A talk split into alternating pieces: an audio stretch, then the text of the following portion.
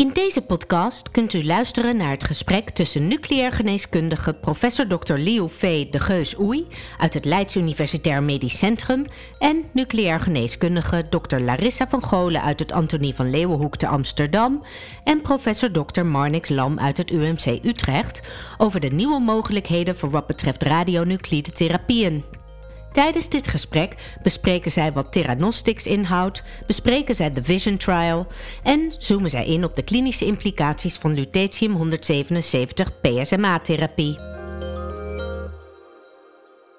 Larissa en Marnix, welkom in deze podcast. Um, jullie hebben onlangs een artikel gepubliceerd samen met nog een aantal andere collega's. Het ging over radionuclide in Nederland. Zijn we er klaar voor? En daarover wil ik het graag met jullie hebben. Want de ontwikkelingen binnen de nucleaire geneeskunde gaan op dit moment razendsnel. Uh, niet alleen op het gebied van diagnostiek, maar ook op het gebied van therapie. En ik wil het in deze podcast graag specifiek over de nieuwe mogelijkheden uh, van radionuclide therapieën hebben. En ja, het buswoord de laatste tijd in ons vak, dat is theranostics. Um, Larissa, misschien kan jij toelichten wat we daaronder verstaan. Ja, ja theranostics is eigenlijk een uh, samengesteld woord. Uh, het eerste deel, thera, het thera van therapie. Dus het uh, kunnen uitvoeren van therapie met een radionuclide. Um, en het andere deel is de gnostics van diagnostics. Oftewel diagnose stellen of beeldvorming maken van een vaak tumor en de metastase daarvan. Dus met één en dezelfde stofje kan je gekoppeld aan een uh, vaak PET-tracer de tumor afbeelden en met een daaraan uh, een stofje dat dan de therapie uitvoert op dezelfde plekken meteen de tumor behandelen. En welke theranostics hebben we op dit moment zoal tot onze beschikking? En welke mogelijke kandidaat theranostics zitten daar aan te komen? Ja, van oorsprong hebben we natuurlijk de jodiumbehandeling uh, met jodium 123 of jodium 124 PET eventueel. Kan je uh, schildklieren afbeelden. En in 1941 al was daar ook therapie met jodium 131 mogelijk. Um, en dat is nog steeds een veelgebruikte therapie. Gekoppeld aan MIBG kan je daar bijvoorbeeld ook neuroblastoom mee diagnosticeren en behandelen. Um, en een ander veelgebruikt uh, diagnostisch theranostic pair is nu de dotataat. Met gallium-68 PET dotataat kan je de beeldvorming doen en vervolgens met lutetium-177 uh, de therapie. En dat gaat dan vooral over neuroendocrine tumoren. Die uh, over het algemeen een receptor tot expressie brengen, de somatostatine receptor. Uh, waarop deze PET-tracer uit aangrijpt en dus ook de behandeling mogelijk is. En op diezelfde manier is er nu dus gallium-68 of eventueel fluor gelabeld PSMA als PET-tracer en vervolgens ook weer met uh, lutetium 177 PSMA is daar therapie mee mogelijk. Um, en voor meer toekomstige scenario's die nog niet heel veel gebruikt worden, is FAPI bijvoorbeeld een interessante tracer. Uh, Fibroblast Activating Protein Inhibitor staat dat voor. En dat is een uh, wat nieuwere tracer. Um, die een heel mooi contrast met de achtergrond laat zien en een vrij snelle opname met een mooie, krijg je hele mooie PET-scans van. En daar zou je ook mooi een therapie aan uh, kunnen hangen. Uh, met lutetium 177 bijvoorbeeld.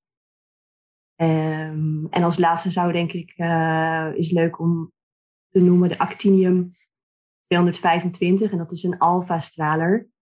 En dat is ook te combineren met beeldvorming met PSMA-PET ja, ik hoor heel veel mooie nieuwe theranostics. Ik denk dat het daar volgende keer over kunnen gaan hebben. Ik zou eigenlijk nu graag in willen zoomen op uh, PSMA. En uh, Marnix, recentelijk zijn de resultaten van de Vision Trial gepubliceerd in de New England Journal. En meerdere ziekenhuizen in Nederland, waaronder ook jullie ziekenhuis, het AVL en het UMCU, hebben helpen includeren. En ja, daar mogen jullie best trots op zijn. En kan jij misschien de belangrijkste resultaten van de Vision Trial met ons delen?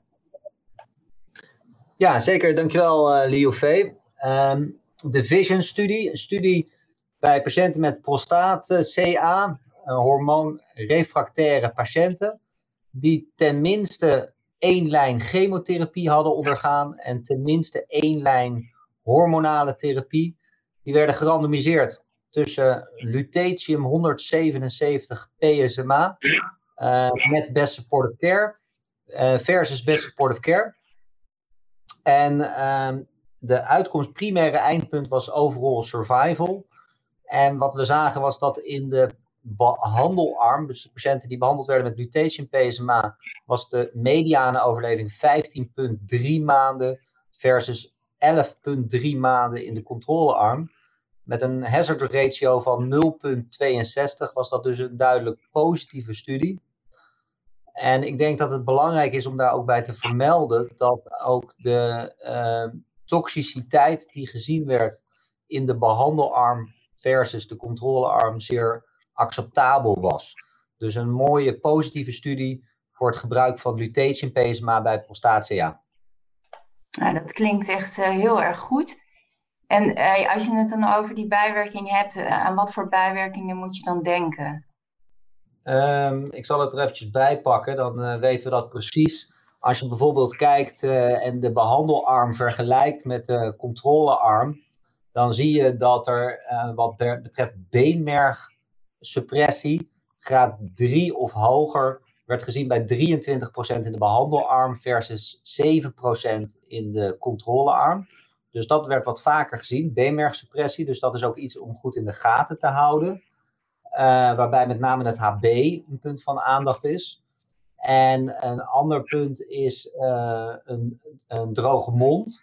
Dat wordt bij ongeveer 40% van de patiënten gezien in de behandelarm, omdat het lutetium PSMA ook accumuleert in de speekselklieren, maar beperkt zich in de Vision-studie tot graad 1 en 2 maximaal. Dus geen graad 3 uh, eh, droge mond. En dat is ook reversibel. Dat is ook iets wat wij overigens in de praktijk ook daar uh, herkennen. Dat, dat is iets wat optreedt, maar is wel reversibel. Ja, dat valt dus eigenlijk uh, ontzettend mee. Dus ik, ik kan me voorstellen dat behandelaars, medische oncologen, urologen echt zitten te trappelen om deze behandeling eh, aan hun patiënten te kunnen gaan geven. Tenminste, dat patiënten doorverwezen kunnen worden naar ons. Maar hoe zit dat? Um, gaat deze behandeling binnenkort komen voor standaard patiëntenzorg, dus buiten trialverband? En hoe zit dat op dit moment met de registratie en de toekenning van vergoede zorg dat je weet? Nou, op het moment dat er natuurlijk een, een positieve fase 3-studie ligt, dan wordt er een registratiedossier opgesteld, in dit geval door Novartis. Dat registratiedossier dat ligt nu bij de EMA. Uh, daar is het wachten op. De verwachting is dat dat begin volgend jaar dat daar iets over bekend wordt. Uh, als het dan geregistreerd is bij de EMA, dan moet het Zorginstituut in Nederland ook een uitspraak doen over vergoeding. De verwachting is dat dit toch een kostbaar geneesmiddel zal gaan worden. En dat het daarmee ook, met name ook omdat het, een, omdat het veel patiënten betreft, zal het daarmee in de zogenaamde sluis komen. Dat wil zeggen dat het Zorginstituut ook samen met het ministerie zal gaan bekijken hoe, de, hoe dit uh, in het vergoede pakket kan komen en tegen welke kosten. En dan is de verwachting dat dat pas eind volgend jaar uh, in het vergoede pakket terechtkomt. Ja, dus uh, komend jaar een druk jaar voor EMA, Zorginstituut en ministerie op dit dossier. Maar ehm, ja, het zou mooi zijn als het eind 2022 gewoon voor patiënten beschikbaar is. Um, ja, jullie zijn al heel voortvarend bezig met een uh, werkgroep van de Nederlandse Vereniging voor Nucleaire Geneeskunde.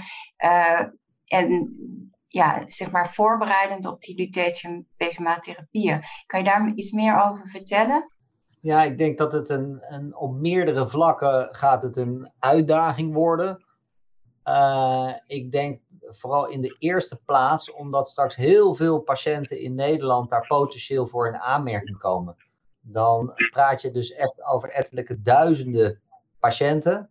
Uh, die patiënten moeten allemaal behandeld worden met meerdere cycli van behandeling. Dus dat gaat een, een behoorlijke druk geven op de ziekenhuizen om, die, uh, om dat voor elkaar te krijgen. En om die reden is het goed om, uh, om met elkaar af te stemmen. Uh, alleen al de capaciteit hoe we dat gaan doen. daarnaast zien we ook in ons vak dat waar nucleaire geneeskunde toch vooral een beeldvormend specialisme is, zul je dus ook een, een verandering gaan zien van beeldvorming naar steeds meer een therapeutisch vakgebied. Dat betekent dat we, uh, dat betekent iets voor onze expertise, voor scholing, maar het betekent ook iets voor logistiek. Uh, uh, het doen van polies, om patiënten goed te informeren, om de indicatie te stellen, om de follow-up te doen. Dus dat vergt organisatie, dat vergt capaciteit, logistiek. Dus dat, uh, dat is een behoorlijke uitdaging. Om die uitdaging aan te gaan, hebben we in Nederland besloten om bij elkaar samen te komen. Onder de vlag ook van onze wetenschappelijke vereniging, de NVNG, om dat in goede banen te leiden. Nou, ontzettend goed dat jullie dat zo nauwkeurig, uh, nauwgezet uh, voorbereiden alvast. Um, ja, Larissa, om welke categorie patiënten gaat het precies in eerste instantie? Wie komen er in aanmerking voor deze therapie? Ja, dat zullen ongeveer de patiënten zijn zoals die ook geïncludeerd uh, werden in de Vision-studie. Dus dat zijn in elk geval gemetastaseerd castratieresistent prostaatcarcinoom patiënten. Uh, die over het algemeen al tenminste één lijn chemotherapie en hormonale therapie hebben gehad. En verder uh, wil je wel dat die patiënten ook een eh, PSMA-pet hebben die positief zijn, zodat je is, zodat je weet uh, dat die therapie ook daadwerkelijk aankomt op de plekken waar je die wil hebben. Um, en verder heb je natuurlijk ook wel wat contra-indicaties, al valt dat op zich mee.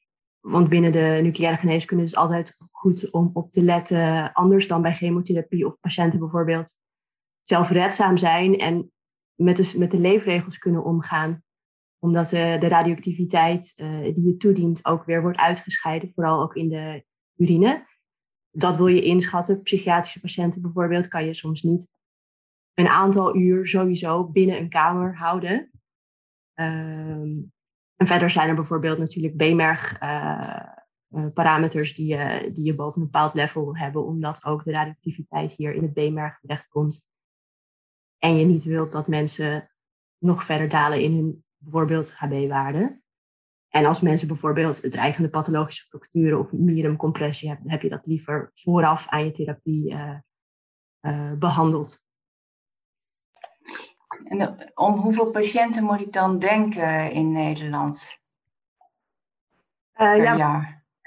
we hadden ongeveer uitgerekend dat je data uit van de IKNL uit 2019 zijn dat ongeveer 12.500 nieuwe prostaatcarcinoompatiënten per jaar hebt. Maar daarvan komen ze natuurlijk niet allemaal in aanmerking voor uh, lutetie en PSMA-therapie. Uh, maar als je uitgaat dat ongeveer 40% daarvan uh, T3 of T4-ziekte heeft, of positieve klieren of algemeen gestaseerd is, dan is dat ongeveer de categorie die eventueel op den duur aanmerking zou kunnen komen voor deze behandeling. En dan heb je het over 5000 patiënten per jaar ongeveer. En um, ja, hoeveel centra zullen we dan, uh, zullen deze therapie dan moeten kunnen gaan geven in Nederland om aan de verwachte vraag tegemoet te kunnen komen? Want dat, dat klinkt ontzettend veel. Ja, dat is denk ik ook ontzettend veel, zeker voor wat wij gewend zijn binnen de nucleaire geneeskunde. Um, als je uitgaat van inderdaad vier, eventueel zes zelfs, maar als je uitgaat van vier therapieën per patiënt per jaar, dan zit je dus al op 20.000 therapieën in Nederland per jaar. Um, nou, dan heb je ongeveer 14 opleidingsklinieken. Stel dat 20 ziekenhuizen in Nederland dit zouden doen, heb je het over 1000 therapieën per ziekenhuis um, uh, per jaar. Uh, dat is 20 per week per ziekenhuis. Dus dan zou je elke dag van de week vier therapieën moeten doen. En als je dan bijvoorbeeld ook nog posttherapie-scans wil doen, dan is bijvoorbeeld een therapie op vrijdag al niet mogelijk. Dus dan zit je al eigenlijk op meer dan vier per dag. En dat is, nou, dat is denk ik wel logistiek een uitdaging. Zeker als je dat niet al gewend bent om te doen.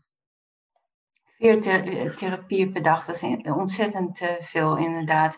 Nou, over die logistiek wil ik het straks nog eventjes hebben. Maar Marnix, kan je misschien vertellen hoe gaat zo'n therapie in zijn werk? Moet een patiënt opgenomen worden of kan het in dagbehandeling? De therapie kan in dagbehandeling. Een patiënt komt in het ziekenhuis, krijgt een infuus. En via het infuus kan binnen, binnen een half uur kan het uh, radiofarmacon inlopen. Dus dat gaat eigenlijk vrij snel. Belangrijk is dat patiënten daar ook geen klachten van hebben. De reden om in het ziekenhuis te blijven is puur omdat alles wat niet naar de uh, prostaatkanker zelf gaat, wordt uitgescheiden via de nieren.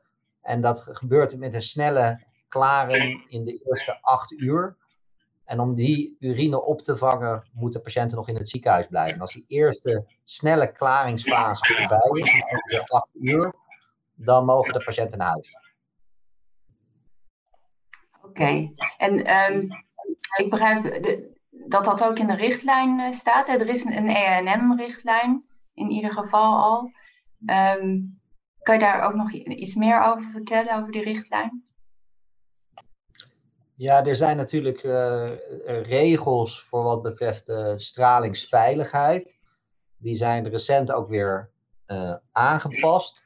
En het komt er nu op neer dat de patiënten in dagbehandeling behandeld kunnen worden. Dat is om de verwarring te voorkomen, is het wel goed om te weten dat dat overal anders is. In Duitsland is men daar wat strenger in, moeten patiënten wat langer in het ziekenhuis blijven.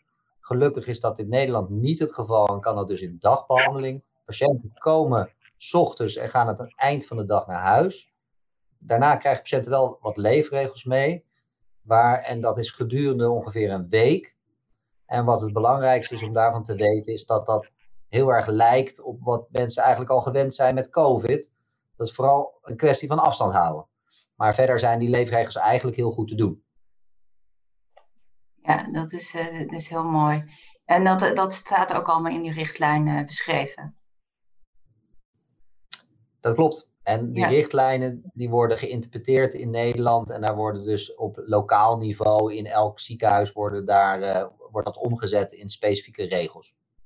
Oké, dat is mooi. Um, welke andere uitdagingen liggen er op de loer? Je had het net ook al over die uh, uitdagende logistiek. Uh, ja, misschien kan je daar wat meer over vertellen. Nou, ik denk dat niet onderschat moet worden wat dat uh, gaat betekenen voor de ziekenhuizen, deze enorme patiëntenstroom. Uh, heel concreet, voor het gebouw betekent het dat allereerst dat er polykliniek gedaan zal moeten worden door de collega's. Daar moeten polyklinieken voor ingericht worden. Uh, voor de behandelingen moet er een dagbehandeling beschikbaar zijn. Zojuist werd al gezegd dat dat wel kan oplopen tot duizend behandelingen per jaar. Dat is ongeveer vijf behandelingen per dag. Uh, daar moet ruimte voor beschikbaar zijn in al die ziekenhuizen. Daar moet uiteraard ook het personeel voor zijn. Personeel moet daar ook voor opgeleid zijn. En tot slot moeten natuurlijk ook de artsen en het verpleegkundig personeel moet ook bekend zijn met de therapie, bekend zijn met, met de aandoening en alles wat daarbij komt kijken. Dus dat vergt een, uh, een behoorlijke uh, uh, pakket aan, aan uitdagingen die daar liggen. En het zal voor het vakgebied nucleaire geneeskunde betekenen dat er echt een transitie moet plaatsvinden van beeldvormend specialisme naar beeldvormend, maar ook therapeutisch specialisme. Dus ik denk een, een, een, hele grote uitdaging voor ons allemaal om dat op een goede manier in te vullen. Ja, een enorme transitie dus. Maar um, hoe zit het voor de ziekenhuizen die al dotaattherapieën geven uh, voor patiëntenzorg? Um, hebben die die logistiek al? Ja, de ziekenhuizen die op dit moment uh, uh, PRRT of lutetium dotataattherapie geven voor neuroendocrine tumoren, in Rotterdam, in Amsterdam en Utrecht, daar is die logistiek aanwezig. Daar is een polykliniek aanwezig, de expertise, de, het personeel, de, de, de behandelkamers. Maar dat is een heel ander volume. dat is totaal niet te vergelijken met een ziekte als prostaatkanker, waar het echt om duizenden patiënten gaat. Bij neuroendocrine tumoren praten we over enkele tientallen patiënten per jaar, in tegenstelling tot enkele duizenden. Ja, een groot verschil dus. Dus we moeten ons daar echt uh, op gaan voorbereiden. Um, Larissa, zo net had Marnix het al over die uh, polyklinische controles. Um, kan jij daar misschien even verder over vertellen? Wat uh, moet er allemaal gedaan worden? Ja, ik denk dat het voor alle radionuclide therapieën goed is om altijd alle patiënten eerst zelf te zien. Um, om een inschatting te maken of ze de behandeling aankunnen. Onder andere dus die zelfredzaamheid en uh, je wil zeker weten dat iemand begrijpt bijvoorbeeld wat de leefregels inhouden. Um, en je wil ook dat die patiënt een prognose heeft die mogelijk maakt dat die aantallen therapieën ook allemaal bijvoorbeeld worden, worden uitgevoerd. En dat mensen niet eerder al afhaken door bijwerking of wat dan ook. Um, en verder denk ik sowieso dus ook de indicatiestelling is belangrijk om gewoon zelf uh, bij betrokken te blijven. Zodat je niet de uitvoerder bent van alleen de toediening, maar daadwerkelijk ook uh, mee kan praten over de indicatiestelling. En sowieso ook de follow-up nadien. Want je wil zien dat, uh, nou ja, wat het effect is van je behandeling. En met radionuclide therapieën is het effect niet een acuut effect, maar dat er gaan weken overheen vaak voordat je het effect ziet. En het maakt het ook leuker en je snapt het beter als je zelf ook de, de evaluatiescans bijvoorbeeld kan beoordelen. Ja. En ook uh, moet je zelf in de gaten houden of er beenmergdepressie is, of je uh, de patiënt een volgende therapie aan kan gaan, of dat er uh, een langere tijd tussen moet zitten, tussen de twee intervallen, dat soort dingen ook. Jazeker. Je wil niet de hele tijd tussendoor moeten terugverwijzen. Dus het, het fijnste is als je alles uh, zelf in de hand kan houden gedurende die therapieën. En nadien, als je effect uh, hebt, zelf uh, hebt gezien ook, dan pas het liefst weer terugverwijzen naar de verwijzer, die vaak een oncoloog is. Ja, want Marnix zei zo net ook al van, er is dan een enorme transitie gaande voor, van voornamelijk beeldvormend vak naar um, veel meer therapeutisch vak. En in de meeste opleidingsklinieken is de exposure aan radionuclide therapieën uh, op dit moment nog beperkt. En de opleiding is uh, vaak nog gericht op het diagnostisch deel van het vak. Hoe gaan we daarvoor zorgen dat de uh, huidige opleiding, de toekomstige nucleaire radiologen, ervoor klaar kunnen stomen om op al die aspecten van radionuclide therapieën goed opgeleid te kunnen worden? Wat zijn, jouw ideeën daarover, Darissa? Ja, ik denk zeker dat, uh, nou ja, zeker nu die therapieën zo toenemen en eigenlijk de uitstroom van oude stijl nucleair geneeskundige, want tegenwoordig is natuurlijk uh, nucleaire geneeskunde onderdeel van de opleiding tot radioloog. Uh, er komen bijna geen oude stijl nucleair geneeskundigen meer uit de opleiding, dus iedereen is nu nucleair radioloog waardoor er sowieso al een iets kortere opleiding is met nog iets minder exposure, voor zover die er al is binnen een opleiding. Want je ziet dat er heel veel verschillen is uh, tussen verschillende centra in welke en hoeveel therapieën er gegeven worden. Kijk, jodium en radium wordt bijna overal wel gegeven, maar inderdaad de lutetium dotata, de PRT-therapieën voor neuroendocrine tumoren, uh, die qua toedieningssysteem al heel veel lijken op, uh, op nu dus de lutetium PSMA-therapieën, uh, maar niet qua ziektebeeld. Uh, ja, dat zijn therapieën die, ja, waar je gewoon wel uh, veel van wil zien voordat je dat echt zelf kan. En er is inderdaad een, bepaald, een beperkt aantal centra waar dat kan plaatsvinden. Dus ik denk dat het zal neerkomen op fellowships met ja, uitwisselingen, zodat je als je klaar bent met de opleiding toch tenminste daar iets van hebt meegekregen. Ja, want uh, jij bent uh, nucleair radioloog, hè? Of ben jij nog van de uh, oude opleiding? Ik ben oude stijl en ik heb twee jaar dus fellowship gedaan. Oké, in het UMCU bij Marnix. Precies. Oké, veel therapieën ook gezien dus. Toen ja. extra. Ja. Dus je hebt er goede ervaringen mee en je kan het aanbevelen, zo'n fellowship. Ja, zeker. Want hoewel ik dus zelfs oude stijl ben, heb ik nog steeds aan twee jaar fellowship heel veel gehad. Uh, natuurlijk ook heel veel radiomodulaties, wat ook zeker niet in elke kliniek uh, gedaan wordt. Maar uh, zelfs met oude stijl is zo'n fellowship heel nuttig geweest. Oké, dat is heel goed om te horen. En als we nou um, het ja, niet alleen maar, zeg maar hebben over het therapeutisch deel wat deze nieuwe behandeling met zich meebrengt, maar uh, ook het diagnostisch deel, zal, er, uh, zal de druk op de PET-scanners ook toenemen. En, en waarvoor gaat men PSMA PET-scans straks allemaal gebruiken, bijvoorbeeld? Ja, ik denk dat sowieso het aantal PET-scans toeneemt. En zeker wanneer we dat gaan gebruiken voor de selectie van patiënten die, die lutetium PSMA-therapie zullen krijgen. Want je wil gewoon zien dat die PET positief is voordat je zo'n therapie geeft. Um, maar nadien wil je mogelijk ook weer het effect evalueren. En er zijn ook klinieken die ook FTG-PET zelfs combineren vooraf om uh, te bepalen of er geen discrepantie bestaat tussen die twee uh, tracers vooraf aan een lutetium uh, PSMA-therapie. dus dat, ja, beide maken dat het aantal PET-scans alleen maar zal toenemen.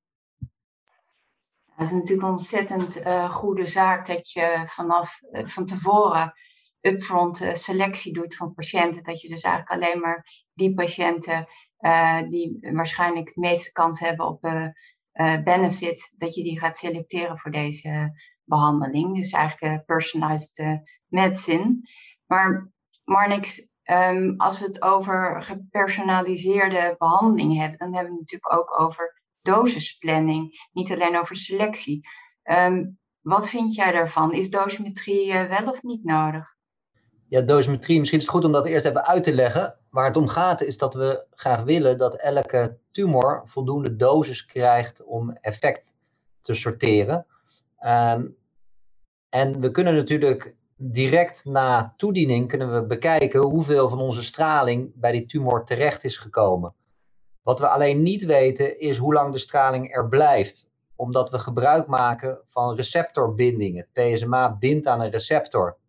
En wat gebeurt er daarna?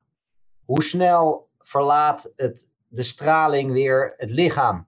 En daar zit een hele farmacokinetiek achter. En om dat goed in kaart te brengen, zou je eigenlijk na elke behandeling, zou je dus een aantal keer beeldvorming moeten doen om te berekenen hoe lang de straling op zijn plek blijft. En daaruit de dosis te berekenen.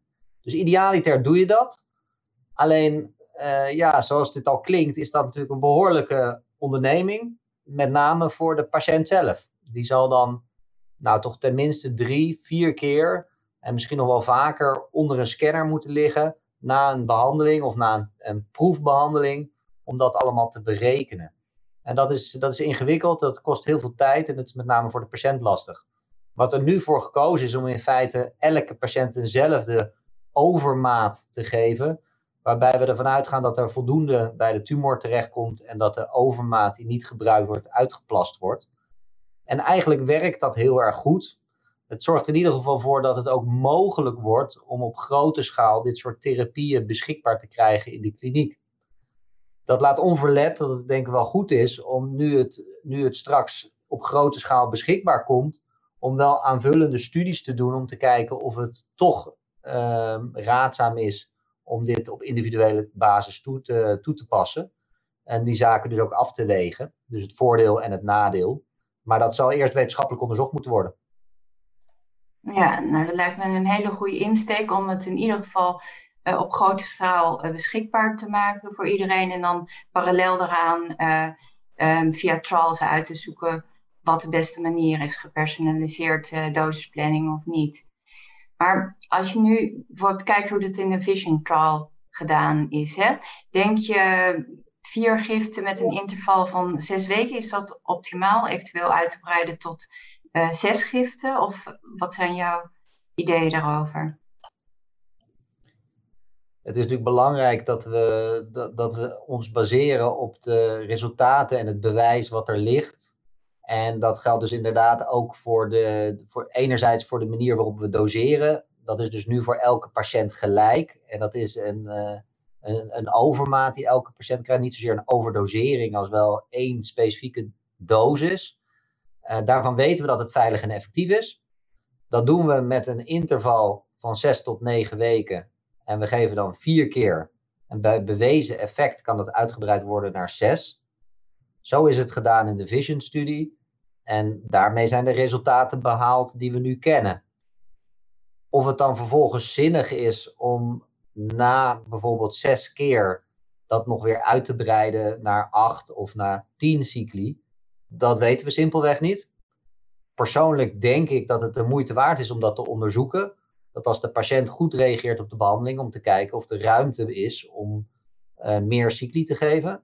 Het zou ook best kunnen dat het voor sommige patiënten juist beter is om minder cycli te geven. Of de cycli met grotere interval, of juist met kortere interval. Je kunt je voorstellen dat wat meer agressieve ziekte juist een kortere interval nodig heeft en vice versa. Alleen we zullen ons moeten baseren daarmee op, op studieresultaten en die, die studies die zullen ook zeker gedaan worden. Ja, dus uh, de komende jaren nog uh, heel veel studies te doen om dit allemaal te fine-tunen. Um, maar stel dat we, beginnen straks en we zien uh, bij een patiënt na twee giften al complete respons. En de studies zijn dan nog niet gedaan wat we dan moeten doen. Wat zou je dan doen? Er is complete respons na twee giften te zien op de PSMA-PET. Moet je dan door, ga je dan door met behandelen? Stop je? Strikt genomen ga je dan door. Waarom? Omdat in de Vision-studie werden vier cycli gegeven en na vier cycli werd beoordeeld of er een respons was, ja of nee. Niet tussentijds na twee cycli. Dus strikt genomen zeg je van, net als bij PRT, bij neuroendocrine tumoren, in principe geven we vier cycli en daarna gaan we bepalen wat de respons is geweest. Even zo goed, kijk je naar twee cycli wel en zie je daar een complete respons, dan, uh, en dat is puur expert opinion, dat je dan best een case kan maken om te zeggen laten we cyclus 3 en 4 uitstellen tot progressie. Daar is zeker een case voor te maken. Alleen ik denk wel dat het goed is als we ook dat in studieverband uitzoeken. Uh, zoals de resultaten er nu liggen, gaan we in principe vier cycli geven. En als er geen duidelijke klinische progressie is, of andere redenen om tussentijds te kijken, dan kijken we pas naar vier cycli. Oké. Ja, we zijn eigenlijk nu eh, bijna aan het einde gekomen van deze podcast. Um, Marnik, zijn er dingen die we nog niet besproken hebben, die jij nog graag uh, de revue wil laten passeren? Nou, ik wil vooral zeggen dat, het, uh, dat, dat dit voor ons uh, heel uitdagend is als nucleair geneeskundige. Dat we heel enthousiast worden van dit soort nieuwe ontwikkelingen. En dat is denk ik ook heel typerend voor het vak nucleaire geneeskunde. Dat, dat elke, elk jaar kun je eigenlijk wel zeggen, is er weer nieuwe ontwikkelingen. Ik denk dat dit echt pas het begin is van uh, wat we in de toekomst gaan doen op het gebied van radionuclide Er zijn een heleboel mogelijkheden die op dit moment in klinische studies onderzocht worden. Uh, dus de, de, ik denk dat er ons hele mooie dingen te wachten staan. En die uitdaging gaan we graag aan. Nou, spannende jaren zullen volgen. Larissa, heb jij als uitsmijter nog een goede tip om mee te geven? ik denk dat ik daar vooral bij kan aansluiten. is, ik denk die lutetium-PSMA-therapie is zeker een hele mooie, veelbelovende uh, therapie en een uitdaging voor ons vak. Um, maar nu dus vrijwel nog niet beschikbaar in Nederland of heel erg op beperkte capaciteit baseer, gebaseerd. Uh, dus ik denk niet dat je dit nu op dit moment al aan patiënten moet beloven. Dus uh, voordat het voor goede zorg is, nog even wachten om het aan al die 5000 patiënten in Nederland te gaan beloven.